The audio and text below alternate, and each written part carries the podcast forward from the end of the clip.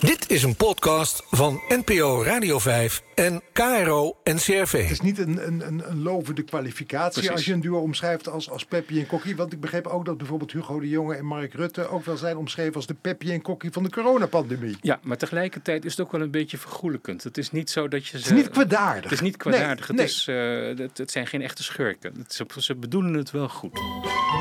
Jemig de podcast. Helco Span en Ton den Boon. Ton den Boon, de hoofdredacteur van de Dikke van Dalen, gaat op zoek naar de sporen die radio- en televisieprogramma's hebben nagelaten in het Nederlands. Jemig de podcast.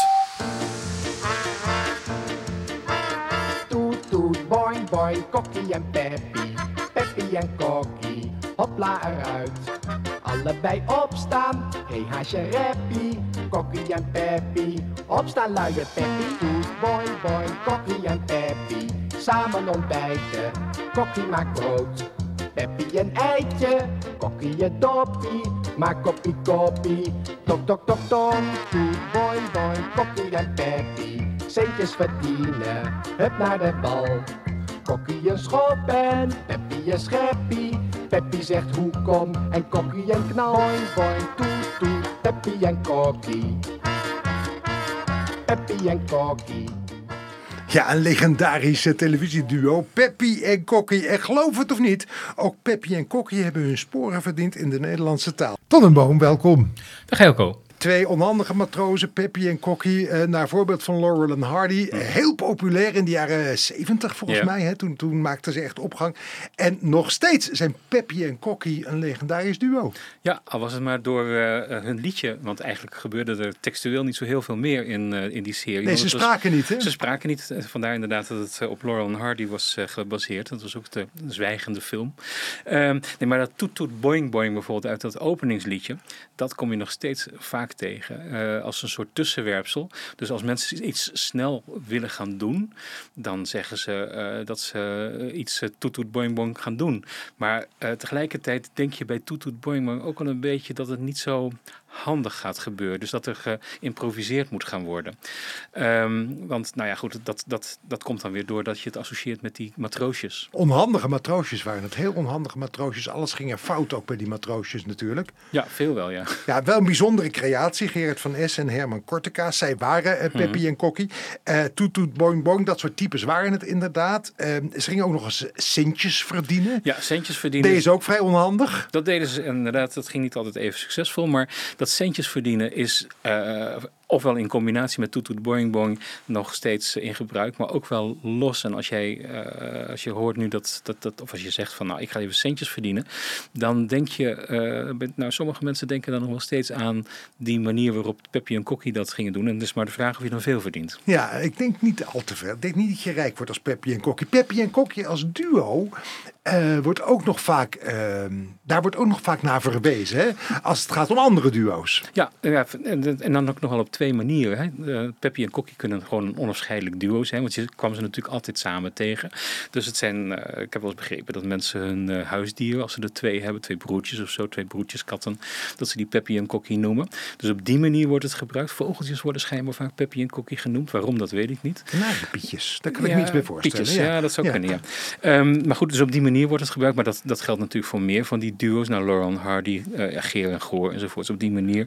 Maar het, is ook, eh, het wordt ook op een andere manier gebruikt. Namelijk als een eh, onhandig duo. Dus een amateuristisch duo. Dus ehm, eh, bijvoorbeeld, ja, het is, het is, een, het is niet, misschien niet zo aardig. Maar in het Parool stond een tijdje geleden over het Songfestival. Dat vorig jaar dan weer zou worden gehouden. Schreef iemand, ik verheug me ook ontzettend op het commentaar van Jan Smit en Cornel Maas. De Peppy en Kokkie van het Songfestival.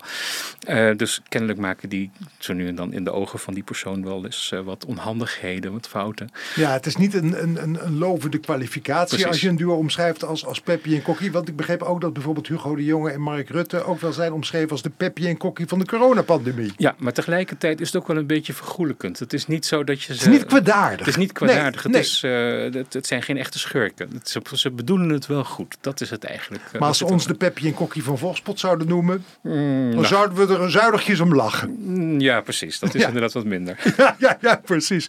Peppy en Kokkie, eh, in de jaren negentig eh, leefden ze ook nog steeds voort. Nu dus ook nog in de taal, maar in de jaren negentig ook muzikaal.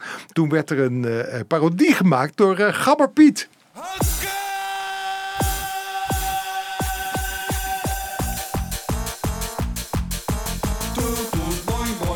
En zagen, zagen en hakken, hopla eruit. Nou zie je toppie, geen haar op mijn koppie. Hakken en zagen, wat een geluid. Toet, boing, boing, hakken en zagen, zagen en hakken, hup naar het bal.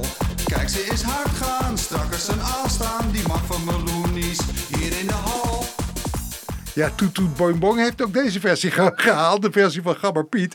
Eh, Peppy en Kokkie eh, zijn natuurlijk eh, samen een eh, onafscheidelijk duo. Zo worden ook andere duo's eh, wel, wel omschreven. Maar je kunt Peppy en Kokkie ook nog combineren met andere woorden. Hè? Ja, het is inderdaad, het wordt wel eens bijna als bepaling gebruikt. Hè? Dus dat je iets op, een, een, nou ja, over een, een, in, een overval op een museum in Zaandam werd gezegd. Het was Peppy en Kokkie in Zaandam. Knullig, onhandig en alles behalve professioneel. Dat wil dus niet zeggen dat Peppy en Kokkie dat duo daar was. Maar dan is Peppy en Kokkie dus een, Een manier van doen. Een manier van doen. Ja. En op die manier tref je het bijvoorbeeld ook in samenstellingen aan. En, eh, enige tijd geleden ging het een beetje slecht op Schiphol met de afhandeling van de bagage. Beetje maar, een beetje, Beetje maar. maar. Lange rijen, Precies. annuleringen. Nogal wat, ja.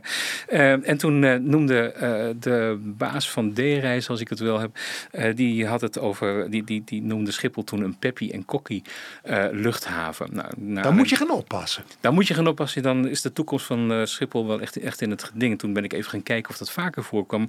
Nou, dat blijkt dus het geval te zijn. Peppy en Kokkie komt wel vaker in samenstellingen voor. Eh, Maar altijd in, in, in zo'n samenstelling dat je een beetje moet gaan oppassen. Je denkt, zo willen we niet bekend staan.